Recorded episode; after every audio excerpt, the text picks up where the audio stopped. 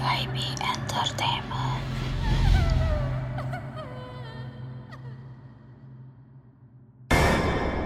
gue bingung tuh. Gue gue gue sebenarnya rada rada penasaran gitu loh apakah dia butuh bantuan gue atau gimana. Gue bingung kan.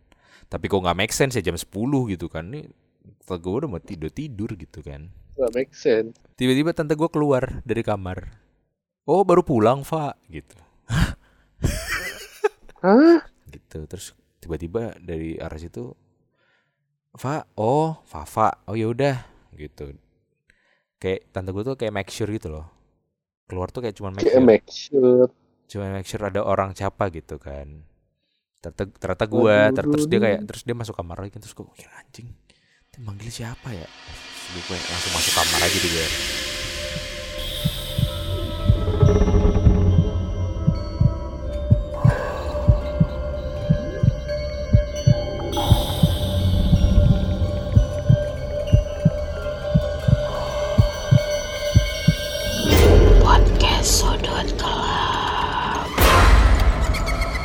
Hai guys, selamat datang di Sudut Gelap.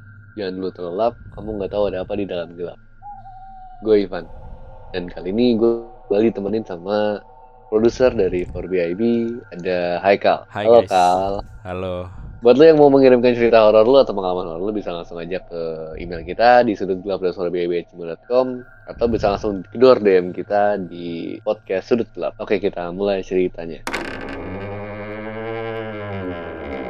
Kali ini kita nggak eh, nggak pengen ngobrolin sesuatu yang agak Hmm. belibet ya, karena dari kemarin kita ngobrolin sesuatu yang berat-berat terus topiknya, gitu. apalagi yang eh, spirit doll sebelum ini ya, Spirit Doll itu cukup cukup lumayan. Kalau kata gue cukup nguras tenaga mental energi. mental energi iya deh kenapa ya Mental energy. setiap kita cerita horor tuh selalu capek ya Iya, kayak lu cerita horor tuh butuh effort lebih gitu loh dibanding lu cerita biasa. gue nggak tahu kenapa tiba-tiba kayak capek aja kayak kayak jadi lapar tiba-tiba lapar. Gue tuh setiap dengerin lu ri- take gitu gue kayak lapar tiba-tiba gue aja makan jadinya. Kayaknya buat Itu lebih orang ke arah kayaknya emang buat orang-orang yang apa ya yang pengen naikin berat badan tuh dengerin podcast horor aja sih menurut gue tapi ini serius deh. ta- tapi ini serius tapi ini serius. Gue selalu lapar gitu. Hmm, apalagi apalagi kalau pas ada beberapa episode kan gue ikut terus tuh itu kayak lapar Mm. gue tiba-tiba itu gue jadi pengen makan sesuatu hal yang berat gitu kayak nasi makan mie gitu gitu sih Gue iya iya gue gua gua ngerti sih. Bahkan kadang kalau misalkan eh, kalau misalkan podcastnya udah di up di Spotify, gue dengerin ulang tuh. Kadang kalau misalkan nggak sambil makan sesuatu atau nggak sambil nyemil Kurang. sesuatu kayak kayak kurang. bener kayak kurang bener kayak bener kurang bener itu mah ada butuh ada yang dipegang gitu loh sambil Uh-uh. dicemil gitu kan. iya kayak ada yang kurang kalau Hmm. misalkan nggak sambil melakukan sesuatu ya. Mm. Kalau kata gue sih gitu. dan dan ini nggak tahu ya ini apa gue cuman gue doang atau mungkin lu juga ngerasain para pendengar dan Ivan mungkin? Kalau gue tuh setiap gue cerita pengalaman horor atau tentang horor gitu gue selalu keringetan. Padahal AC AC AC nya 2 PK Hati-hati lagi. aja. AC 2 PK lagi maksud gue nggak mungkin kepanasan dong. Hati-hati lebih- aja kalau nggak gue nggak tahu ya tapi kayak gue ngerasa pasti keringetan gitu loh. Pasti kayak sumuk nggak tahu kenapa pasti sumuk gitu nah ini gue nggak tahu ya mungkin buat pendengar sudut gelap kalau misalnya punya pengalaman yang sama sih bisa banget sharing juga boleh share. lu lu nggak kayak tadi gue sebelum lu nggak kayak gitu ya enggak sih. Gue gue sebelum eh, gue sebelum take enggak sih. Cuman biasanya kalau lagi tengah-tengah take ya, lagi tengah-tengah take biasanya rada gerah. iya gue tengah-tengah tag gitu Van tiba-tiba Kayaknya AC kurang dingin gitu. Padahal pas dilihat, oh ini fan-nya di power paling tinggi. Ya eh, kadang gue juga suka gitu sih. Kadang gue suka gitu, bener. kayak tiba-tiba kayak kayak apa ya kayak kita kebanyakan gerak gitu loh pasti kan keringetan keringet Iya, kecil padahal- keringet kecil gitu kan Iya. Padahal kan cuma ngomong kayak gitu ya. iya cuma ngomong Nggak gerak loh. nggak gerak cuma duduk Aneh. aja aneh Aneh ya. aneh-aneh kayak gitu. Ini kita mau nggak bahas pengalaman kita sem- seminggu ini lah ya, Van ya. Mm, dalam ya pokoknya dalam waktu dekat ini eh, pas tadi kita briefing ternyata sama-sama mengalami sesuatu yang aneh gitu Hmm, benar. horor Gitu. kalau dari lu gimana kak Ini pengalaman gua lu gua cerita gua dulu ya. boleh Jadi tuh gua gua em, gue tuh di Solo. Ini kan gue tempatnya di Solo sekarang kan. gue di Solo tuh punya dua rumah ada Hmm. rumah kakek gua sama ada rumah eh pokoknya ada rumah lama rumah baru rumah baru ini yang kayak gue baru bangun lah ibaratnya gitu emang gue emang niat mau pindah ke situ cuman karena emang di rumah baru ini belum ada wifi jadi gue masih kayak eh, kalau pagi sama malam tuh gue selalu tidur di rumah lama is rumah kakek gua. Kakek gue tuh udah meninggal kakek gue sebenarnya udah meninggal dua tahun lalu atau tiga tahun lalu gitu. Jadi yang nempatin di sini tuh eh, gua sama ada eh, keluarga om gua gitu. Jadi keluarga om gua tuh ada Hmm.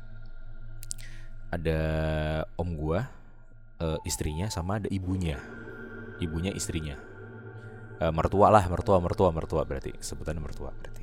Iya iya iya sama iya. ada mertua ada tiga orang inilah sama ada gua. Dan gua pun juga termasuk yang jarang. Gua tuh selalu datang ke rumah lama ini kayaknya em, kayak di jam 9 jam 8 jam 9 gitulah. Gue baru ru- sampai rumah sini lah. Gitu. Mm-mm. Em, sebenarnya sebelum adanya sebelum adanya apa namanya sebelum adanya sebelum kakek gua eh bukan sebelum adanya om gua datang ke sini Mm-mm. ya kan sebelum om gua menetap di sini om gua tuh tinggal di Jakarta kan terus menetap di sini Hmm. karena emang nih rumah tuh rumah yang lama ini emang mau dijual gitulah ibaratnya tapi belum laku-laku lah karena emang pandemi kan jadi emang ditempatin tapi Mhm. sebelum om gua datang ke sini tuh sebenarnya udah banyak pengalaman-pengalaman yang aneh gitu kayak Hmm. em, contohnya tuh di kamar kakek gua karena ini salah Hmm. gua sih sebenarnya nggak pernah ngecek jadi kamar mandi itu kering jadi kalau mitosnya gua tau ini gua gua nggak tahu mitos atau enggak ya di Jawa tuh kalau kamar mandi kering itu pasti selalu di ditungguin gitulah gitu Ah. kan jadi em, jadi di rumah lama nih anehnya kan ada karena nih rumahnya ini satu hektar Van gede banget gitu rumah lama ini Iya. makanya susah Hmm. dijual gitu ya satu hektar ini jadi ada tiga ada tiga bagian eh, yang ditempatin sama hantu-hantu gitu gue sebutnya hantu-hantu atau ya pokoknya ada penunggunya lah di tiga tempat Makhluk ini makhluk. Yang Penunggu, pertama, penunggu. penunggu-penunggu yang pertama tuh di kamar mandi eh, umum kamar mandi umum tuh kayak eh, semua orang tuh semua orang yang di rumah itu mandi di situ gitu kayak gua kalau misalnya mau Hmm. berak mau mau mandi ya ke kamar mandi ini gitu nah sosoknya ini tuh Mm. sosoknya ini tuh kayak kayak apa ya bisa dibilang kayak kakek-kakek pakai belangkon rapih gitulah ibaratnya Mm. Um, terus yang kedua nih kamar mandi yang kering. Jadi di kamar kamarnya eyang gue nih kamar mandi dalam lah ibaratnya. Itu tuh kering dan itu dihuni sama kayak Slenderman gitu katanya, kayak laba-laba. Tapi gua nggak tahu matanya merah. Ini ini dari teman gue ya, teman gue yang indigo. Jadi pokoknya gue tuh ada kerja kelompok. Iya dia teman gue ini sutradara. Terus buat film ada tugas buat film di rumah gue dia kaget gitu ngeliat kenapa ada ada ini gitu terus dia nanya kan kamar mandi lu kering ya pak iya kamar mandi kering. Di di basah di ini deh diisi bak gitu segala macam katanya gitu. Sama pokoknya hantunya itu ya kayak Slenderman gitu lah tapi kayak laba-laba gitu. Sama di Hmm. kebun di kebun. Nah di kebun kebun ini tuh ada banyak pohon pisang. Udah pasti lah udah itu udah banyak yang tahu lah berarti kan Sudah let's go. udah let's go itu kan. Kejadiannya gue pikir gue pikir tuh kejadiannya tuh em jadi gue tuh sebenarnya sebelum sebelum om gue datang itu kejadian udah banyak gitu. Kayak misalnya gue tuh pas itu sempat punya kucing kucing gue tuh selalu ngadep ke toilet eh eyang gue kamar mandi eyang gue padahal udah nggak ada. Dia ngelihat aja berdua gitu. Kucing gue dua tuh kayak berjejer ng- ngelihat gitu setiap gue pulang Hmm. pagi jam 1 jam 12 gitu gitu terus em, banyaklah kejadian-kejadian aneh gitu se- sebel sebelum om gue datang. Tapi pas setelah om gue datang gue pikir tuh nggak ada nggak ada apa-apa karena om gue nih termasuk orang yang religius lah. Mm. setiap hari didengerin lagu-lagu eh bukan lagu ya sebutannya apa ya? Nasyid nasyid ya sebetulnya Murotal, murotal. murotal murotal kayak murotal murotal gitu kan murotal murotal Hmm. gitu gue pikir nggak ada nggak ada nggak ada apa-apa sih kayaknya ya gitu tapi kejadiannya baru tiga hari lalu kayaknya dia tiga hari lalu deh kayaknya Hmm. Kejadian di kejadian om lu. di rumah lama Iya. di rumah lama gue datang tuh Ah. gue datang tuh jam 9 gue pas itu lagi kalau nggak salah tuh gue mau podcast bangku warteg. Itu jam 11an gue pulang nyampe. Nyampe rumah tuh Wow. gue jam 11 jam 10-an om om om gue tante gue tuh semuanya tuh selalu tidur tuh jam 10 karena mereka selalu bangun tahajud gitu gitu lah ibaratnya. Nah gue nyampe Hmm. rumah. Jadi posisinya tuh em, parkiran. Eh parkiran depan. Halam ya parkiran buat mobil depan. Hmm. Itu tuh masuk ada pintu masuk buat gue masukin motor. Garasi garasi dalam. Nah garasi dalam Hmm. itu kalau masuk kalau kita mau masuk ke rumahnya itu tuh kayak ngelewatin dapur dulu. Ya ada pintu ke kanan itu ngelewatin dapur tapi kalau lurus itu kayak ah, outdoor gitulah. Outdoor buat kejemuran. Hmm. kejadiannya ini gue merinding anjing kenapa ya Nget. Pelan, pelan-pelan. Jangan gitu, gue jadi ikutan merinding nih. Gimana pokoknya gimana lanjut pelan-pelan. em, karena gue pikir jam 10 nggak ada orang kan jadi gue pikir kayak nyantai aja deh gitu ya gue pelan pelan aja kan ngunci ngunci ngunci pintu gitu gitu kan Hmm. di satu sisi sebelum gue ke dapur jadi kan kalau ke dapur tuh kan ada kayak ada pintu masuk gitu kan sebelum masuk ke ruang tengah Hmm. Itu ngelewatin dapur dulu gue ngelewat situ. Lewat dapur situ kan. Tiba-tiba em, tiba-tiba ini yang anjing sih. Di arah outdoor itu ada suara Hmm. eh istrinya om gua. Manggil nama gua. Ini gua ngentot ya kenapa ya gue ya guys ya? Kenapa gua kejadian gitu? Gua nggak tahu tapi tapi suaranya tuh kecil banget tapi gue denger kayak mas gitu. Mas. Bu, bu, bot, bot, bot. nggak nggak gitu dong. Mas. Gue nengok dong ke kiri ada apa nih? gitu kan. Kenapa Hmm. kok gue dipanggil gitu. Terus gue kayak what happened? gitu kan. Terus gue nengok kan perasaan gak ada orang gitu kan perasaan udah pada tidur gitu gue pikir kan. Terus gue iya. Nggak jawab kan. Hmm. nggak jawab gue bingung tuh. Gue kok gue sebenarnya rada, rada penasaran gitu loh. Apakah dia butuh bantuan gue atau gimana? Gue bingung kan. Tapi kok nggak make sense ya jam 10 gitu kan. Nih gue udah mau tidur tidur gitu kan. Gak make sense. tiba-tiba ini tiba-tiba tante gue keluar dari kamar. Oh baru pulang Fa gitu. Hah? tiba-tiba Gimana? Iya, jadi jadi kan itu masih di dapur tuh kan. Jadi di dapur tuh ada pintu lagi masuk ke ruang tengah. Di ruang tengah itu di depan persis itu kamar tante gua lah ibaratnya.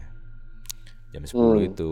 Gue lagi nengok-nengok lagi keluar-keluar tuh ke ke ke jalan yang mau arah outdoor itu yang jemuran itu. Gue masih nengok ada apa sih? Tapi gelap banget kan.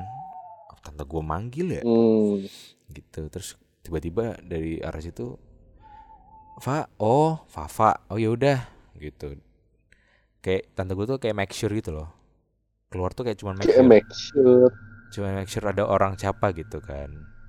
Ternyata ternyata gue ter- terus dia kayak terus dia masuk kamar lagi terus gue pikir anjing dia manggil siapa ya? Terus gue kayak langsung masuk kamar aja di gue nah itu tuh gue nah itu tuh gue cerita gitu ke tante gue cerita ke tante gue terus tante se tadi malam tuh yang pas tante muncul tuh itu aku denger suara ini tuh tante. Gitu kan. Hmm. tante gua dengan santainya iya tante udah tiga kali digituin. Gitu ya Oh. Allah. Masa Begitu loh. masa murotal aja kurang ya? Guys itu sih itu itu pengalaman yang umpan. menurut gua aneh sih menurut gua sih gua kayak jadi agak-agak Hmm. aduh males gue pulang malam nih gitu nah kalau lu Van Hmm. Apa? Lu ada apa di minggu ini? Eh, ini gue nggak tahu ini mistis atau enggak, tapi ini menurut gue aneh ya. Iya aneh sih. Jadi eh kan gue belum cerita. Oh iya deh.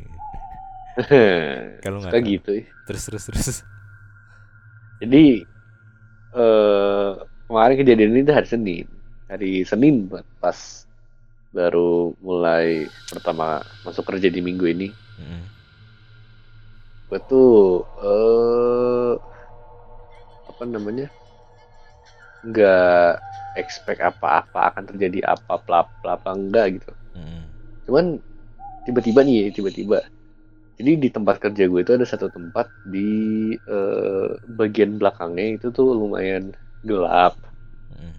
lumayan gelap dan jarang orang ke situ juga jarang orang masuk ke daerah situ nah kebetulan banget nih gue kemarin harus ke situ buat eh, ngambil sesuatu Mm-mm. ya jadi gue harus ke situ kan nah sebelumnya tuh sebelum gue berangkat ke tempat kerja gue saat itu enggak badan gue nggak sakit sama sekali gue nggak masuk angin gue nggak pilek batuk apa pun gitu gue nggak ada rasa sakit apa pun ya Mm-mm.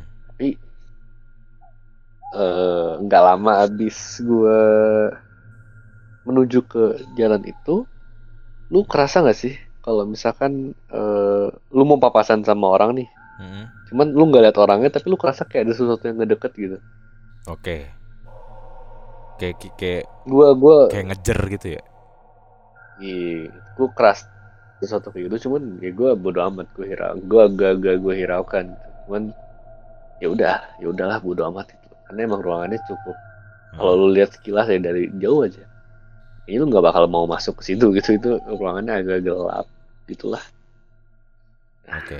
gue biarin gue nggak pedulin jalan lah terus gue nih kan jalan terus akhirnya gue ngambil barang yang mau gue ambil cabut gue dari situ cabut udahlah kan Eh, selesai selesai, selesai. gue pulang nih nah bangkeknya nggak lama nih gue pas di perjalanan gue menuju pulang tiba-tiba eh, pundak sebelah kiri gue itu tuh kayak ada yang neken pakai satu jari ke bawah tahu nggak sih lu Mm-mm. rasanya kayak ditekan pakai satu jari nih tapi ke bawah sa- sampai ke deket tulang gue ini, ini bahkan sampai sekarang di eh, apa namanya ditekan masih rada sakit gitu bekasnya gitu Oke. Kan Eh, sampai uh sakit banget lah ngaco banget sakit banget cuy asli Se, impactful kadang- itu ya ditekannya. iya gue pun iya gue pun kadang kalau misalkan biasanya gue bawa barang berat bawa sesuatu yang berat itu gue nggak pernah pegel sama sekali nah ini tiba-tiba pundak sebelah kiri gue ini pegel pegel tuh kayak di wah kayak di ini di apa ya ditekan pakai benda tumpul yang tajam gitu loh ngerti gak sih Tumpul tapi tajam. tumpul tapi nggak tajam kayak, kayak Iya. ini deh kayak ujung pensil kayak ujung pensil kan Oh, kalau lu iya, iya, tekenin iya. ke paha lu kan sakit kan Iya iya benar. benar. Iya, kayak gitu gue kerasanya. Sampai sekarang ini masih sakit. Dan ya gue awalnya nggak curiga ke situ.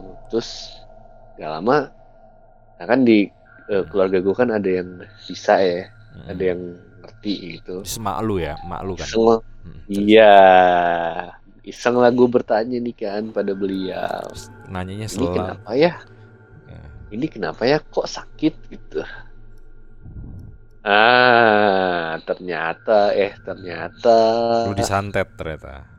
gue enggak dong kalau santet bangke enggak santet dong gimana Oh. Terus terus. ternyata ternyata ini penjaga dalam tanda kutip penjaga ya, penjaga yang di ruangan itu tuh nggak suka kalau ada orang masuk ya kan gue nggak tahu ya Dia ngisenginnya di, kan ngisenginnya tuh di pencet gitu ya. Mm-mm. dipencet dibikin sakit aja gitu loh Mm. kan bangke loh kan gue nggak tahu apa apa ya tiba-tiba digituin nah udah langsung lah kan di di dalam tanda kutip dibersihin lah sama nyokap di biar Lu terlalu biar sen sakit lagi Lu sensitif sih ya. Itu sih bedanya gua malu kali ya, Van ya. Iya ya karena mungkin dari garis keturunan juga Fa kan kebetulan nyokap aku bisa jadi kan mungkin ngaruh ke anaknya kan jadi sensitif juga terkait terhadap hal-hal seperti itu gitu Iya iya iya. Ya itu sih makanya gua kayaknya mungkin nggak nggak se-impactful lu gitu loh. Nggak sampai kayak hmm sakit lah segala macam. Karena gue cukup orangnya cukup deny gitu loh kalau masalah kayak gitu. Cukup Ah. di deny apa sih gitu loh. Gue tuh sebenarnya cukup kayak gitu. Mm-mm. Makanya itu sih gue Ya, kayak bagus sih iya tapi tapi eh di di di waktu-waktu tertentu pun gue kayak ngerasa anjing serem juga ya ternyata ya gitu. Dipikir-pikir eh bangke gitu sih. Jadi kalau lu tuh kalau gue Hmm. suara kalau lu malah lebih ke fisik ya berarti. iya. Iya. Iya sih. cuman gue nggak gue tuh sebenarnya gue pribadi gue nggak sepenuhnya yakin bahwa itu adalah perbuatan si doi ya. Cuman iya gimana lagi gitu. Apalagi faktor yang mendukungnya gue biasanya bawa barang-barang yang berat gue nggak pernah pegel biasanya gue kagak pernah pegel tiba-tiba di satu titik doang gitu di badan gue nggak pernah gitu Mm. nah ini tiba-tiba pegel kayak dipencet kan ya Agak puyeng Gitu. ya. Iya, iya. Aneh, aneh banget makanya. Itulah, gitu sih untuk eh, apa namanya? Cerita. kejadian aneh yang gua alamin di Hmm. minggu ini. Iya. Di awal minggu malah. di awal minggu ya. Gue Dan- juga gue juga minggu lalu deh gue ada motor Eh, motor ngentot. iya. Wih, kok kasar? Oh iya, kan ini nanti bisa dipotong. Oh, betul. Ulangin ulangin ulangin ulangin. Itulah kejadian eh, gua di minggu ini Hmm. yang bener-bener fresh from the oven dan masih gua rasain sampai sekarang. Ini pegel. Pegel tuh pegel. Aneh loh. Itu pegel. Pegel itu kayak bekel ini pak. Lu ngerti gak sih kalau misalkan Ah, eh, lu- kulit lu tuh baru di bukan ditempelin apa ya kayak di semi ditusuk gitu kayak dipenyet pakai pensil lama. Kan kalau bekasnya kan pegel kayak pe- pegel bolong gitu kan. Ngerti Hmm. gak sih rasanya? Tahu tahu tahu. ya gitu itu yang gue rasain sekarang gitu kayak pegel bolong tapi nggak jelas gitu apa sih ini kok gini gitu Iya. sumpah Sa- sampai sekarang nih gue rasain ini pegel banget nih Gua udah dikerok udah dikasih koyo udah di apa-apain kagak ada sembuh sembuhnya Hati-hati, Aneh dicek banget. lagi, dicek lagi tuh sih harusnya sih. dicek lagi siapa tahu let's go gitu ya Let's go kan, siapa let's go. ini siapa tahu let's go kan ngeri gue Mm-mm. Makanya ini buat teman-teman mungkin yang dengerin podcast Sudut Gelap bisa sharing juga ke Instagram kita aja di podcast Sudut Gelap. Siapa Boleh tahu dong. punya pengalaman yang sama, ternyata dipanggil juga di rumah lama. Mhm. Wah, sama di tadi di digangguin toel se- di toel digangguin secara fisik ya. Tapi kalau kayak kalau digangguin secara fisik itu berarti yang kayak lu sih yang lebih jauh lebih sensitif sih ya. Mungkin mungkin ke orang-orang yang lebih sensitif lebih Hmm. eh, riskan untuk terkena gangguan gitu ya Mm-mm. sepertinya Gitu sih. Oke. ya gitu sih Hmm. nah eh, by the way nih by the way tadi eh gue baru kepikiran buat teman-teman yang eh, sekiranya punya cerita horor dan pengen di share juga boleh banget nih di eh gak usah di share dulu deh komen aja dulu di Instagram kita atau ajak juga teman-teman untuk follow. Siapa tahu nanti kalau misalkan eh, momennya tepat kita bakal undang teman-teman buat jadi bintang tamu di podcast sudut gelap. Bener, ngobrol sekalian deh. tuh Mm, sekalian ngobrol pengalamannya sekalian sharing-sharing juga. Gitu jadi ya jangan lupa juga untuk follow eh, sosial medianya podcast sudut gelap di Instagram podcast sudut gelap dan juga follow podcast sudut gelap di Spotify gue Ivan dan eh, Fafa kami pamit undur diri Yes. dan jangan lupa selalu cek sudut ruangan lo. Bye. Bye.